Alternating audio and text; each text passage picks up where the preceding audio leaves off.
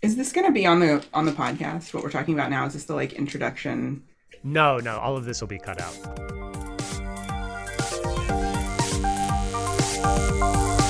Well, I'm not a crook.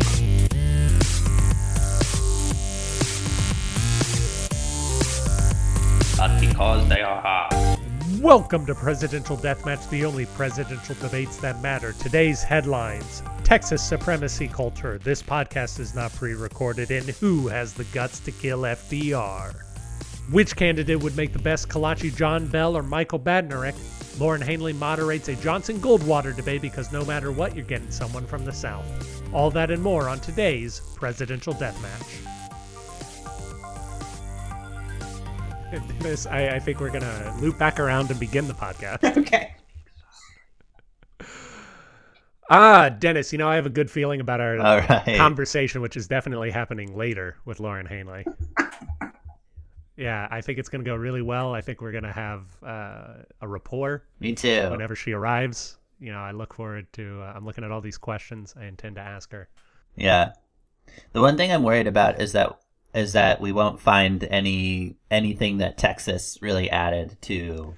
To the history Yeah. of the kolache, that is Yeah. a mystery. Uh, and dear listeners, please hang on to see if Texas figures prominently in the story of the kolache. We don't know yet. Dennis and I know. are, are but stuck in the present and, and do not know the future that Lauren Hainley will deliver unto us. Are any Czech words actually Texas words? That's what I'm trying to find out. Yeah, you're on the case. Did Dennis ever stop anywhere for kolaches? I don't know. I've never asked Me him. neither. Oh no.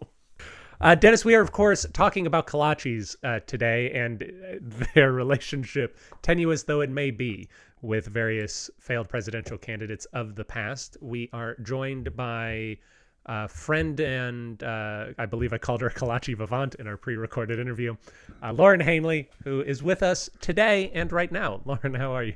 I'm great. I'm great. I'm looking forward to the conversation we definitely haven't had yet. We haven't had it yet, and it's going to be delightful. But before we get there, Dennis, why don't you tell me about who you think would make the best kolache? We didn't really settle on what we were arguing, so I I chose the man Well- who was most like a kolache. I chose the man who is most like a kolache slash who would make the best Right. one, and his name is Michael Badnarik. Ba ba ba ba. Last name Badnarik drew me to this man. I looked it up. It could be Czech. um, and guess what it means, Aaron? Badnarik? Uh, does it Yeah. mean cool dude? Close. It means Oh. Cooper. Just like my last name, probably a very Oh, similar wow. root. And uh and also my wife's last I would name. assume since she's your wife. So it's it would if she had the same last name as me, but her last name's Cooper. Mine's Buddy, which is German for Cooper, and then Michael Badnarik, Czech for little, little Cooper. How how feminist of Yeah. her not to change her name after getting married. Yes. Uh, the interesting thing is Dennis used to be Dennis Cooper and Carolyn used to be Carolyn Buddy. Yeah. they decided to swap names. My husband and I did that to- too, but then we just went back because we were like, Yeah. ugh, people were getting confused. So we just kept our original names. Boring. Yeah. makes sense. It's a lot of Very paperwork Yeah. for the Why were there so many barrels in the past? Not that I'm complaining. I love barrels, but it seems as though a lot of people are named after barrels. Yeah, it was just it was email back then, you know. Yeah. that's true. So think about how So- many emails. I think it's the prevalence of whiskey. Like I think they just drank more whiskey back then, and they needed all the barrels for that. I also think Eh. it's uh, ship exploration. You tended to seal things up. Anyway, Dennis, what else can you tell us about Mr. Cooper? His uh, he what he ran for president as the Libertarian candidate against Bush and Kerry in 2004. Awesome. So that was Bush's uh, reelection, and he uh, he did okay.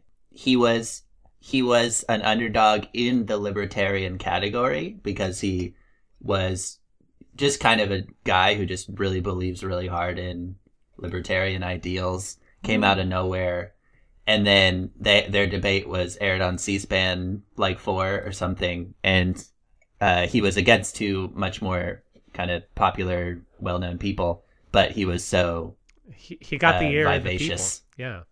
yeah that he ended up pulling almost exactly a third. So it split it just one, like three, three, three between the different candidates.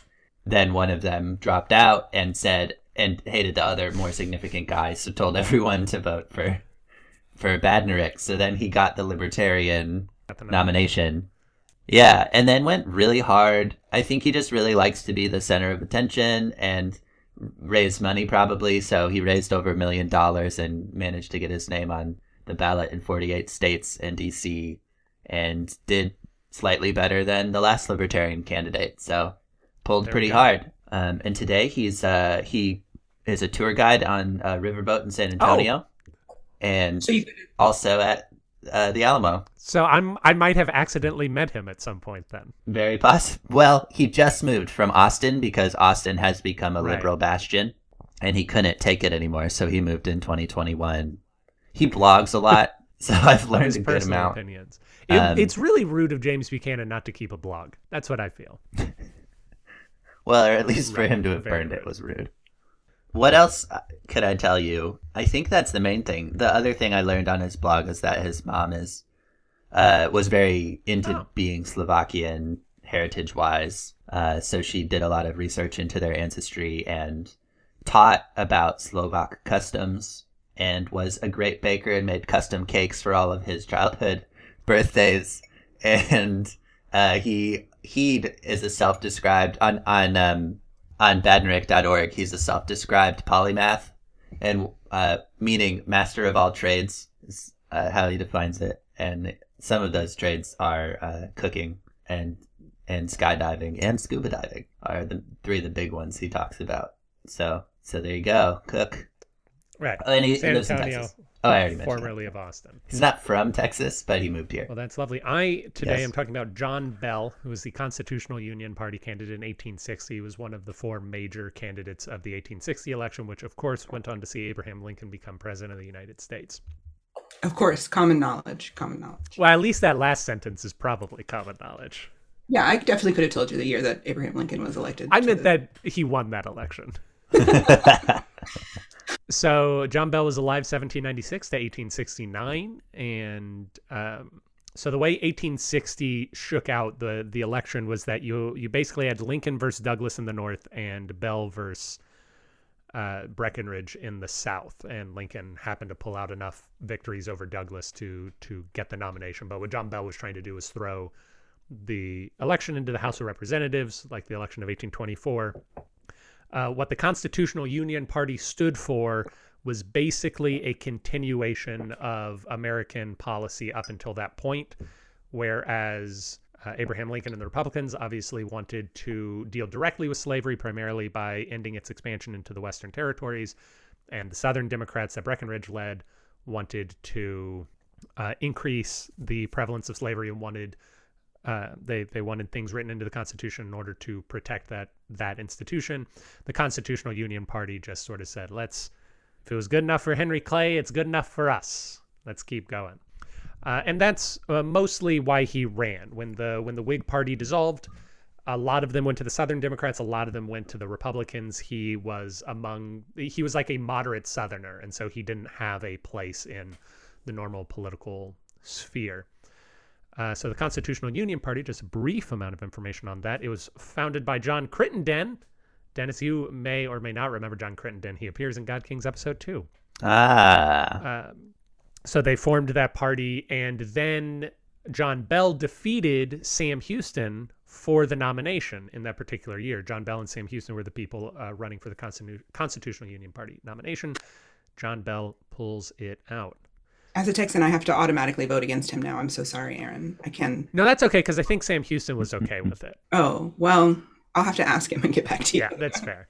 We can all commune with Sam Houston. Well, Dennis can't yet, uh, but all individually.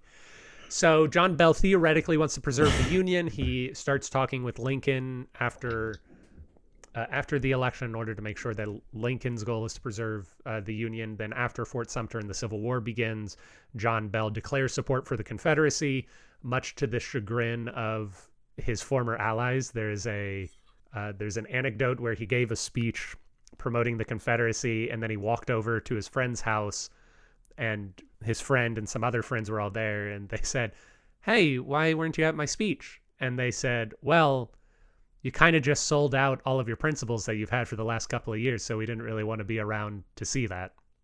And then he left. Uh, so, so his final days were probably not terribly happy ones. Uh, but John Bell, he was Speaker of the House of Representatives and a Whig in Tennessee. Any connection to the telephone guy? I don't believe so, sadly. Indeed. Not every bell can be Well. a bell, as we know. Any, any connection into the bicycle guy? Yes. Yes. Uh, he did invent the bicycle bell, John Bell, Sir John Bell. Cool. Uh, and that is John Bell, who we'll hear more about after we have a conversation that we certainly haven't pre recorded. Uh, Lauren, I sent over to your house the retraction box. That's the box where we keep all of our retractions. Uh, could you just open up the retraction box for me? Thank you. there we go.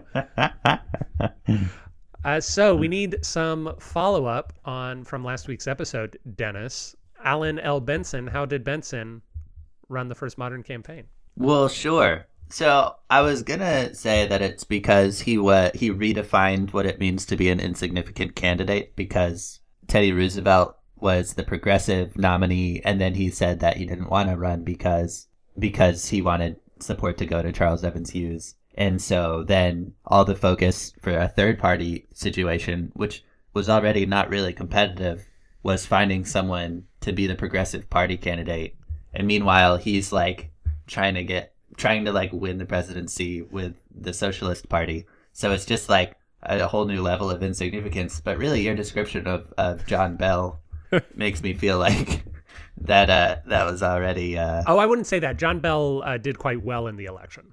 Okay. yeah. Okay, so then I'm sticking. Yeah, yeah. No, you're good. My story. You're, you're good. Until we talk about Victoria Woodhull, I think you're probably fine.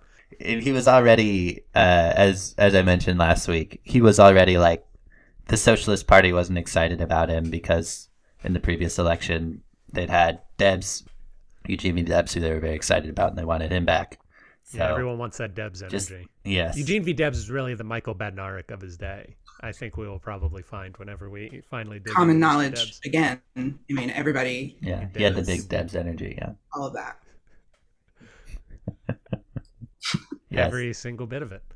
Any other follow up BDE they call it. on Alan Benson? I don't believe so. Uh, really, I think we painted a whole picture of a of- yeah, of both of week. our men had relatively little uh, that, more that needed to be said about them. But uh, I, I'm struggling, Dennis, on how John W. Davis ran the first modern campaign. If you're looking at our outline, you'll see that the bullet point is just empty uh, because I think he he didn't he didn't uh, he didn't really establish himself in any way. He didn't take a whole lot of uh, his campaign wasn't interesting. It wasn't successful. He was fine with losing. He thought he was going to lose from the moment he got nominated, and even that that idea in and of itself isn't particularly strange because we had already talked about like Alton Parker Right. 16 years previous who was in a similar situation or the guy who ran against Monroe or like the, any of the people who ran against Thomas Jefferson also really had no hope of victory. So I think John W. Davis might have run not a modern campaign, surprisingly. Are you saying he kissed no babies and shook no hands? He did not shake a single hand. Uh, his lips were perennially dry, could not kiss a baby. hmm Dry like the country at the time. he he took lack of originality to a new level, a new innovative level. Yeah, it was really a postmodernist election that was challenging Yeah. the ideas of innovation in electioneering and campaigning. It was a campaign for campaigners. It's like one Yeah, that they exactly. talk about. Which is uh, interesting because he was called uh, America's lawyer's lawyer. There you go. So John W. Davis is just America's blanks blank. I can tell you as an arts administrator uh, that if he has to explain it to you, then you're just not smart enough. You just don't get it. Yeah. yeah. Lauren, what's your favorite memory of John W. Davis? You know, I think my favorite memory of John W. Davis is that. Oh, oh I'm sorry. I'm sorry. Is, I'm sorry. I have to my husband's call. I need to. I'll be right back. I see. Okay. Well, let me tell you about some of my favorite memories of John W. Davis that we didn't talk about last week. So, uh, he was the Solicitor General of the United States, and that's a job that we don't necessarily get to hear about a lot, but it is very important. Do either of you want to guess at what the Solicitor General of the United States does? I think he's a lawyer, isn't it? He is a yes, he is a lawyer. Isn't it the president's lawyer? No. No, not the president's lawyer, but it is somebody's lawyer or some conglomeration of people's lawyer. Congress's lawyer? Uh, it is the America's lawyer. Is the uh, the Solicitor General is the person who represents America in front of the Supreme Court. So if America gets sued, this is the guy who defends America as the Solicitor General. So the attorney general is the one that like sues people, and the solicitor general general is the like defense lawyer. It's, Yeah, the Attorney General runs the Justice Department uh, and sues people and decides um, how to administer justice. So, if if we recall back towards the end of Obama's administration, the Attorney General, I don't remember who it was at that time, sent out a memo that just said basically, "Hey, stop prosecuting people for marijuana." Like the Justice Department, the federal Justice Department is no longer interested in pursuing this level of crime. That's sort of what the Attorney General does, and the Attorney General also is the administrator of the Justice Department. Whereas the Solicitor General, who is, I believe, the third most important person in the Justice Department, third or fourth, uh, is the person who represents the United States in court. I think season three of Presidential Deathmatch should just be like attorney general versus solicitor general for like every single president. Maybe so. We haven't talked about it. Our current Solicitor General is Elizabeth Prelogar. Good for her. Also, a small bit of information Solicitor General of Texas was Ted Cruz's job before becoming senator. So he would represent Texas in front of the Supreme Court. Just so we know, uh, John W. Davis, I believe I said this last week, but he argued in front of the Supreme Court more than any other person in the 1900s during the 20th century. And he is, I think, the third, has had the third most cases in front of the Supreme Court of any person uh, after Daniel Webster and some guy in the Bush administration whose name I forget. I, I did not write it down. I am surprised that I did not write it down. A few other things about John W. Davis. We called him the last Jeffersonian. He was a very big states' rights proponent. He thought that the federal government and specifically the federal executive should not exercise a lot of power. In that way, he was not a whole lot different than Calvin Coolidge, who went on to win that election. And uh, he, uh, a lot of the things that I'm saying about him, especially because I'm saying he, he's uh, a lawyer, et cetera, might give the impression that he was not a charismatic guy, which is not true. He was apparently very warm. And when asked about uh, Wilson's administration, the main thing that uh, he said is, oh, he's just not friendly enough to people. And I think that puts people off. So he was concerned about that. Lawyers are famously not charismatic or like good with people or talking. Is Well, some of them are um, slimy. And what I mean to say is he's warm. Like he was apparently just a very warm guy who cared a lot about people. He was a humanitarian, I suppose I'm saying. uh, he was a character witness for Alger Hiss, uh, which which is cool. Uh, Dennis, do you know who Alger Hiss is? I do not. Alger Hiss was one of the major people dragged in front of the House of Ameri Un-American Activities and accused of spying for the Russians, and ultimately sentenced. He he was found guilty of it, uh, even though future evidence is somewhat expulgatory. Yeah, I didn't get my mouth around that word. But John W. Davis was brought in as a character witness for him. Also, he he might have tried to overthrow the U.S. government at one point during FDR's reign. This is very uh, odd. This is an odd thing I had never heard of until I looked it up. There was a thing called the business plot, where someone testified in front of Congress that a whole bunch of rich New Yorkers were talking about trying to overthrow the government, trying to install a coup against FDR because they didn't like his his New Deal policies. And Congress heard the testimony and they said, we don't really have any reason to disbelieve that what you're saying is true, but also it's not important enough for us to look into because it's it sounds like it's just a whole bunch of rich wags complaining at a party about the president. It doesn't it doesn't seem like there was actually a plot put in motion. It was just a whole bunch of people complaining, and we're not going to drag a lot of people Yeah. in front of Congress because of that. Uh, but John W. Davis was one of the people who was apparently like, yeah, yeah, it would be great if we could just like put him in a bag and throw him in a river. one of uh one of Badnarik's quotes from he's done a lot of public speaking tours about uh the Constitution, and one of his quotes is that if he could go back in time and assassinate FDR, he would definitely do that. That's a mistake. The more I learn about Michael B- Badnarik, the less I like the man, including going to his website and seeing how he describes himself. He is he's he's awesome. Another another one of his quotes is is that he's deathly allergic to humility. I can see why the libertarians liked him. Mm. Why they said this is our guy in 2004.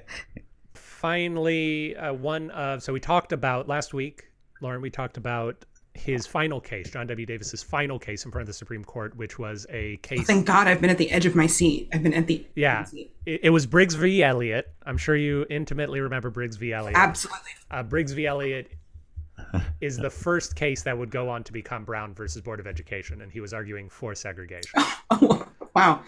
Uh, this guy. Yeah, one of his second to last, uh, one of one of his final arguments in front of the Supreme Court was against the Republic Steel Mill, or for Republic Steel Mill against Truman. If uh, y'all remember at all, during the Korean War, Truman tried to use uh, the Worker, uh, the Defense Production Act, which is the thing that Trump tried to use in order to get people to make masks real quick.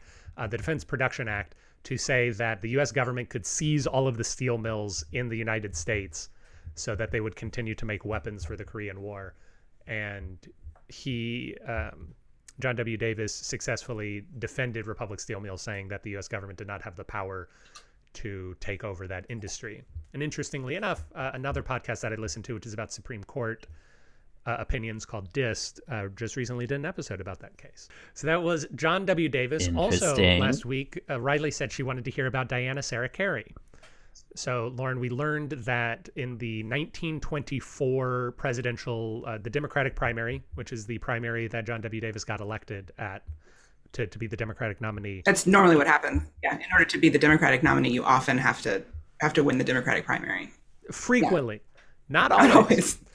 but the the last living person from the 1924 convention who cast a vote in it died in 2020 died in 2020 her name was diana serra cary at the time she was a five-year-old movie star and she died at the age of 101 a couple of years ago and so we wanted to learn a little bit more I'm sorry, five year olds could vote? So she was the she was a special delegate. She was cast as sort of the mascot of the convention because she was just this famous child movie star.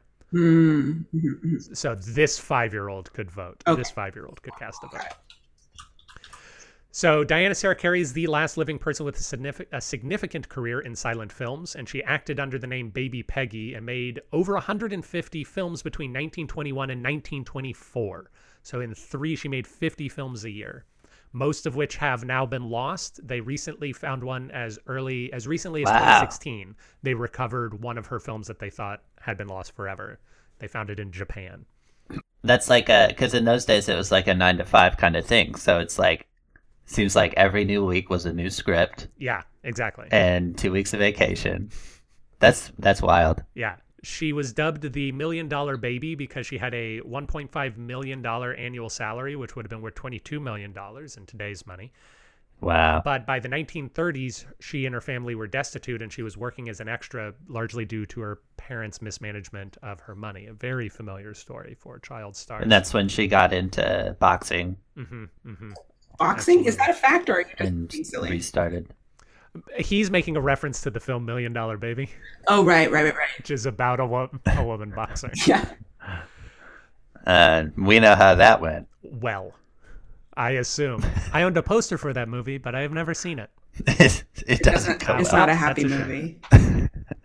Mm, well, it's a nice poster. so she she was a very famous child star. She was said to have inspired Judy Garland because it is known that Judy Garland had a baby Peggy doll as a child. And she also went to high school with Judy Garland later on in her life.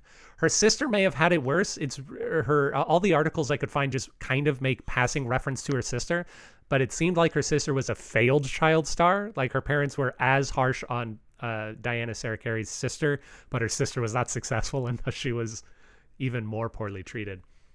In later years, she changed her name to Diana Serra Cary in order to uh, avoid being recognized as this former child star. She worked a number of jobs before finding her groove as a writer and Hollywood historian, where she was uh, frequently interviewed and died at the age of 101 in 2020. she would take people on the riverboats. Through Hollywood, yeah. Through Hollywood. The, the La Brea Tar Pit Riverboat, Riverboat Tour, Diana Serra Cary, where she described herself as a polymath and said that she was deathly allergic to humility. All right. Uh, so, Lauren and Dennis, Yes. we are debuting a new game today. Um, so, of course, this season on Presidential Deathmatch, we are talking primarily about failed presidential candidates, but we actually do have a minimum threshold for who we consider a failed presidential candidate. They have to have met a certain level of either electoral success or cultural significance. So there are a lot of people who have run for president who don't meet these criteria, and I'm currently reading a book about them called Presidential Fringe by a man named Mark Stein. So this is about candidates who the public generally responded to with laughter and ridicule at the idea that this person would run for president. Uh, Pat Paulsen is in the book, Dennis.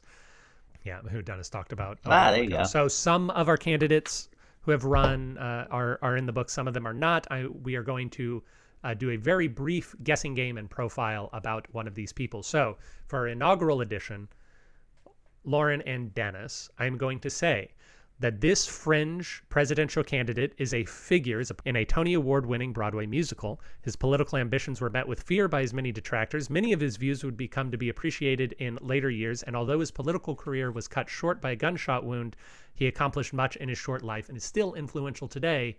Who is this fringe presidential candidate? So did the did he as a character figure prominently in a Broadway musical, or did he personally figure prominently in a Broadway musical? He as a character. He's a character in a Tony Award winning Broadway musical. He is, Is not he a a titular character? although I was trying to get you to think of Hamilton in, in describing him the way that I did. It is a musical that I am sure both of you know. Yeah, I definitely thought it was Hamilton. Yep. Now, Different fringe presidential candidate who got shot. who got shot and is a character in a hit Broadway musical. And still alive, it seems like. No, no, no. No, Because okay, he died I'm- from a gunshot wound. I misunderstood that. Yeah. Did Yeah. did Burr get shot at some point? No. No, Burr died uh, cancer? Liver failure, I think. Was it in Hamilton? I was not in Hamilton. That's a good question. The musical is not Hamilton. Mm. So, what other hit Broadway musical? Is it uh is the, did it win best musical in Broadway or is it just an award winning? Like it had like best book or something. It's a great question. It did win Best Musical. It did win Best Musical. Won Best Musical in our lifetimes. I can tell you that. Is it is it Bloody Bloody Andrew Jackson? It did not that win. Sadly, Bloody Bloody Andrew Jackson was not a hit Broadway musical, but merely a Broadway musical. Is it a is it a Oh, I know who it is. It's um Booth. It's John Wilkes Booth. No? Okay. It's not. That's a great uh, answer. You're thinking Yeah. I was Assassins? thinking assassins. Yeah, And he did die from a gunshot yeah, no, wound. I, you you are correct about that. Uh, he was not a fringe presidential candidate, as far as I'm aware. Although I believe uh, he does figure into this story, or someone. Oh no, he figures into the candidate of next week's story. John Wilkes Booth is involved in uh, our next fringe presidential candidate. So I'll I'll narrow it down for y'all. Uh, I believe it is one of the last. We're in 2022 right now, so the musical premiered uh, on or after 2010. I believe it, it has won Best Musical in the last 12 years. Could it be Dear Evan Hansen? No. Could it be Kiss of the Spider Woman? I'm also guessing not Book of Mormon. Not Book of Mormon? Is that a question?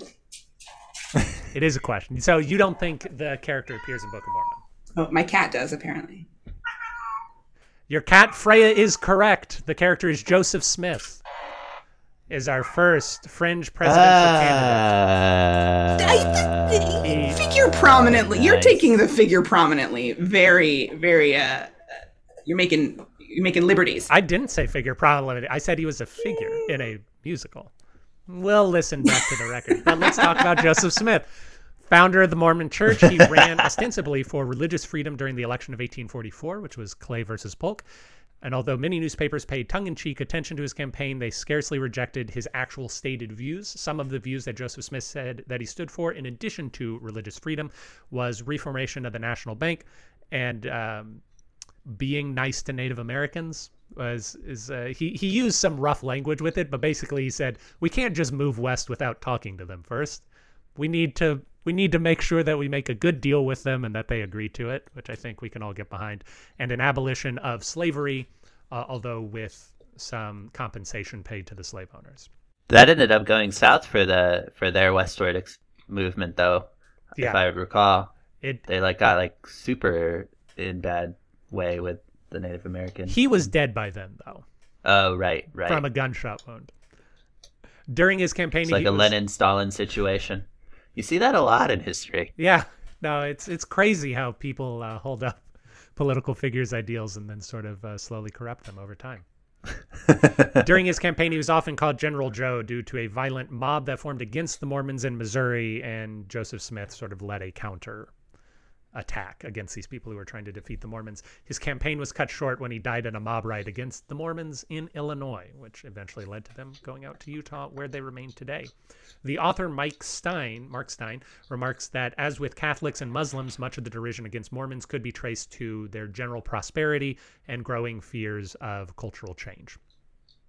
Sure, sure. It doesn't have anything to do with the cult like mentality. It's definitely definitely that.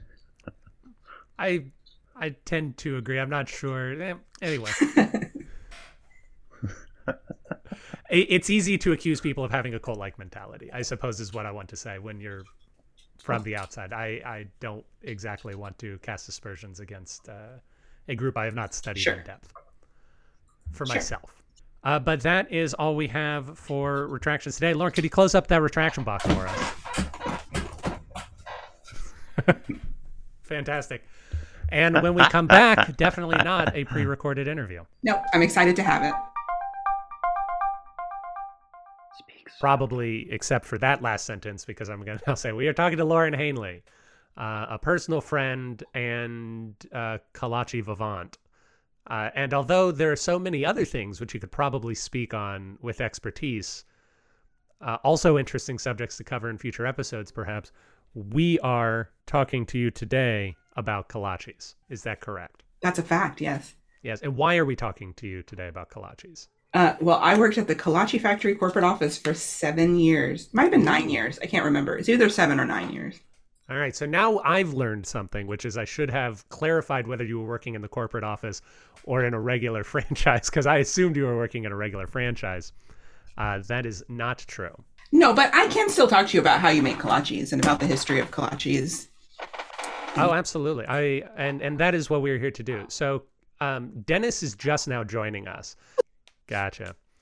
But uh, Dennis, I, I assume that your family, most of your family, doesn't know what a kolache is, and since most of your family is the majority of our listenership, uh, Lauren, could you just give a brief description of, of what a kolache is? Well, I think we're already going to butt up against my expertise here because I don't want to make anyone mad. So there's the Texas definition of a kolache, and then there's like the actual literal definition of a kolache that's like historically accurate. So my question to you is like, which definition do you want? I want the Texas definition because at least part of my argument for my candidate today is going to be that definitions need to grow and change uh, culturally. Um, so in Texas, a kolache is uh, some sort of sweet bread, uh, and it doesn't have to be super sweet, not like donut sweet, but sweetish bread, which covers uh, a food. It could be eggs, it could be sausage, it could be um, cherries, um, it could be anything, anything at all. And then you eat it for breakfast. It's a breakfast food. It's a delicious breakfast food, which I have been eating since my childhood because I am from Texas and was quite surprised when they were not anywhere else when I traveled.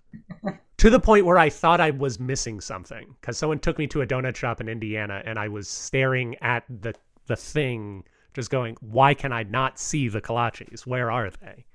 You know, other states call them like pigs in a blanket. That's a similar thing, not the same. We don't use uh, we don't use pancakes to cover our sausages because can I curse? Uh, we prefer that you not. Okay, then I won't. But you approached it. So I think we all understand the, the depth of stupidity of not having this delicious sweet bread. Yeah. Um, but as you uh, as you intimated, there is uh, at least a, a little bit of consternation around the definition of kolache and whether or not it involves meat, eggs, or really anything other than a sweet jam filling. Could you please tell us the origins of the kolache food? So kolaches came from che- Czechoslovakia. Czech, Czech, actually, that's wrong. I was almost historically inaccurate. um, they come from the Czech Republic, or what is now the Czech Republic. Right, because it wouldn't have been a republic back then either. No, it would have been the Czech, whatever comes Just before. check. Yeah. just check. Um, and uh, yeah, they so there's a lot of Czech uh, refugees and um, immigrants in in Houston or Texas, especially like Central Texas. Um, and they brought the kolache with them, and then people in Texas, you know, do, Mm. did what we do, which is take something that is really awesome and make it better. That's true. Yeah.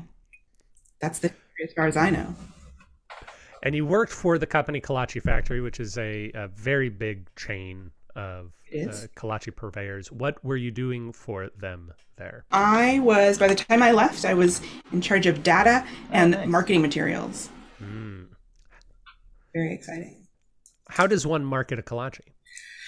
You know that was a that was an area of of of debate often in my tenure at the at the Kolache factory. You know, one of the things that you know you kind of intimated before is that like people outside of Texas don't really know what a kolache is, and so um, inside of Houston and inside of Texas, there was a lot of success in the company. But anytime we tried to franchise outside of the city, we had to figure out like how do you talk about this thing in a way that's interesting. It involves a lot of pictures, but then you know a kolache just looks like a Mhm. ball of dough from the outside, so like maybe like cut in half kolaches. There was a lot of consternation about it. With the eggs spilling out. Yeah, yeah.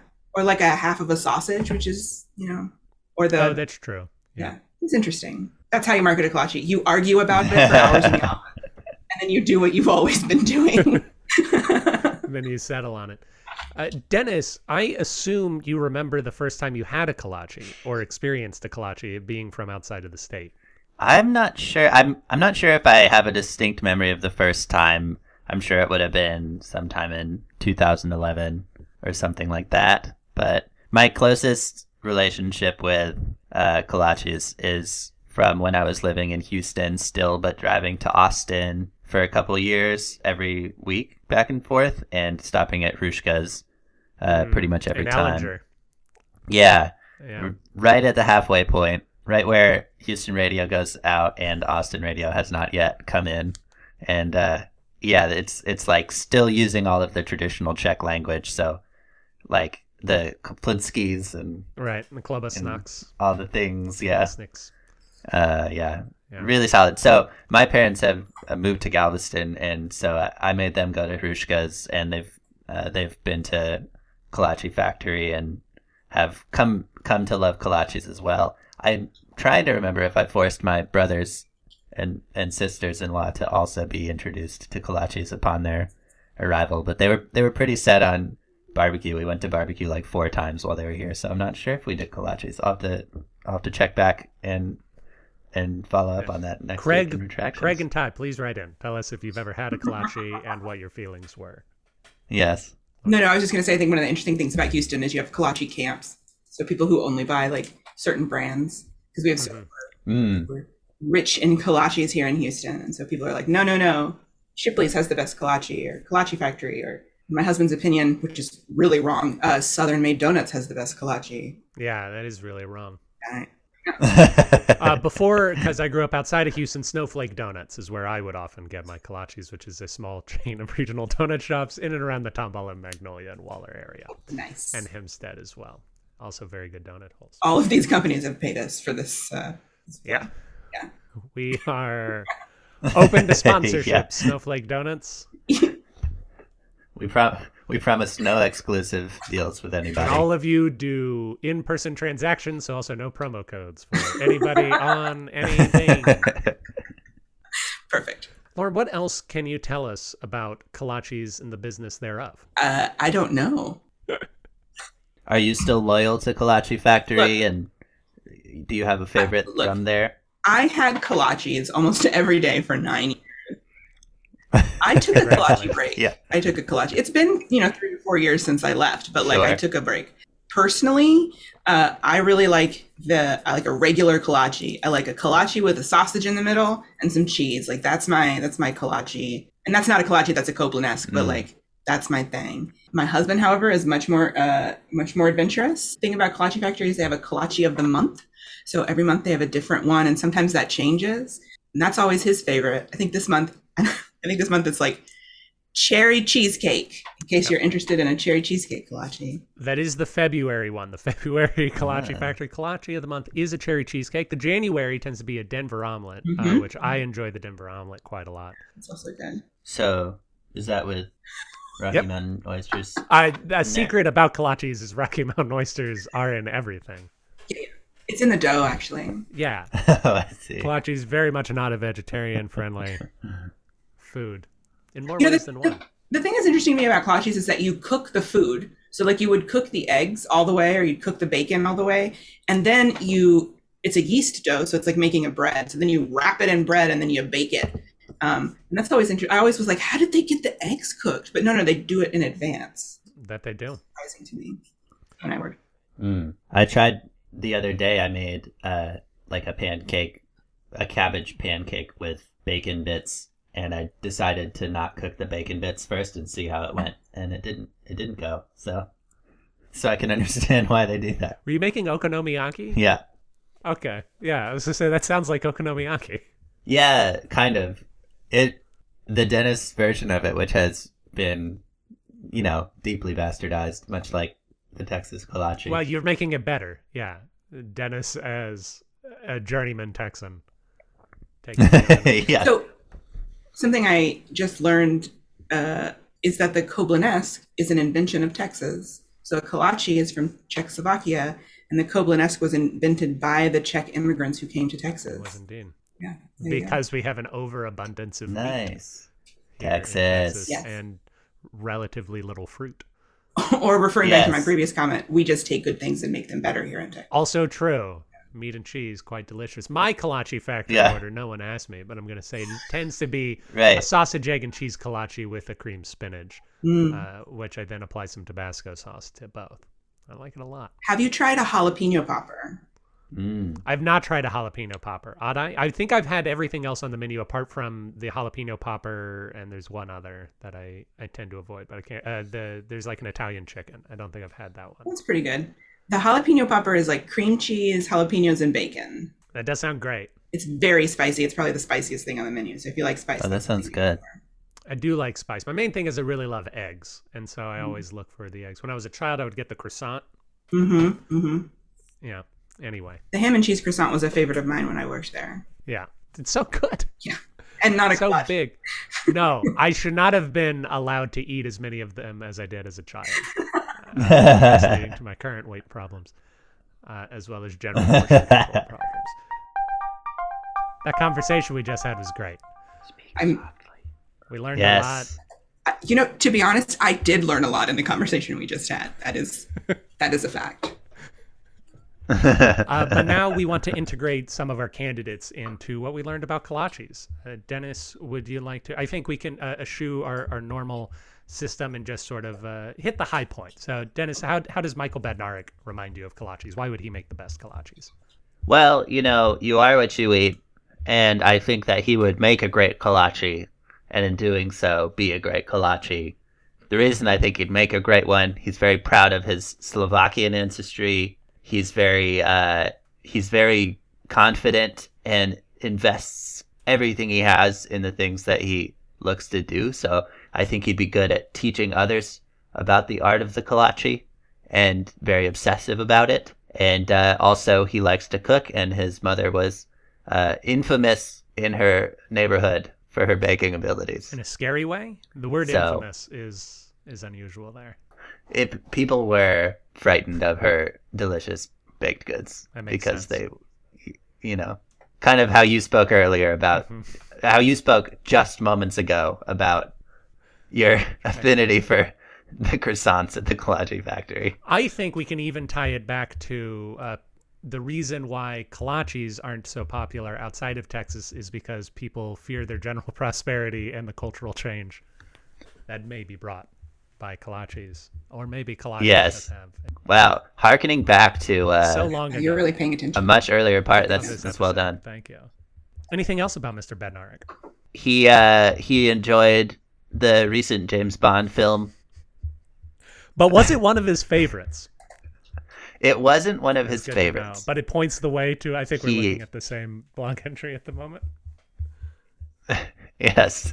Um, um, but yeah, he's excited for future new James Bond with a new actor, um, and was surprised at that teaser in the final film.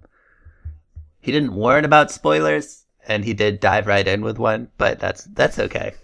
Uh, the commenters, you know, they they leave positive, almost exclusively positive uh, feedback. So I think uh, I think that's another thing to note about his kolaches is that he knows who That's to give true. them to. He, he knows who's, he's not trying to challenge anyone with his kolaches.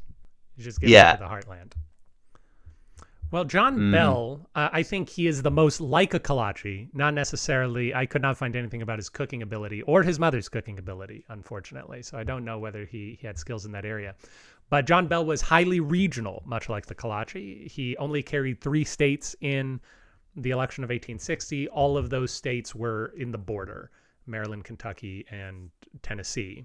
Uh, they, they were the border states that were trying to decide whether they wanted to be Confederacy or not Confederacy. And he didn't have a whole lot of support outside of of that. He, he got, I think, about 13%, between 9 and 13% of the popular vote in that election. Uh, much like the the Czech aspect of the Kolache, he was very traditional. He wanted to preserve the union with as few changes as possible. But also, much like the Texas settlers, he was innovative because despite being a Southern slaveholder, he did support preventing slaveries from entering the Western territories. So he he had some tricky things to him, uh, much like our our friend the the Kolache slash Klabatsnik, a word I'm not doing well with pronunciation today. Uh, and then, of course, he also has a Texas connection in that, as I said earlier, he beat Sam Houston for the nomination in 1860. Uh, but I'd like to think that uh, some of Sam Houston rubbed off on John Bell. Yeah, Fran's Fran's really she's Thank got a lot of opinions. Yeah. well, I, I think that's all we have for today, unless, Lauren, you had anything else you wanted to say. Um, I Or don't. Freya. Freya always has something to say, but we should probably cut her off before she she'll school us all. She'll keep Well, going. Wonderful. Thank you all so much for another thrilling episode of Presidential Deathmatch. And please eat a kolache right now. like literally right now. Yeah, right now. Every time I you plan listen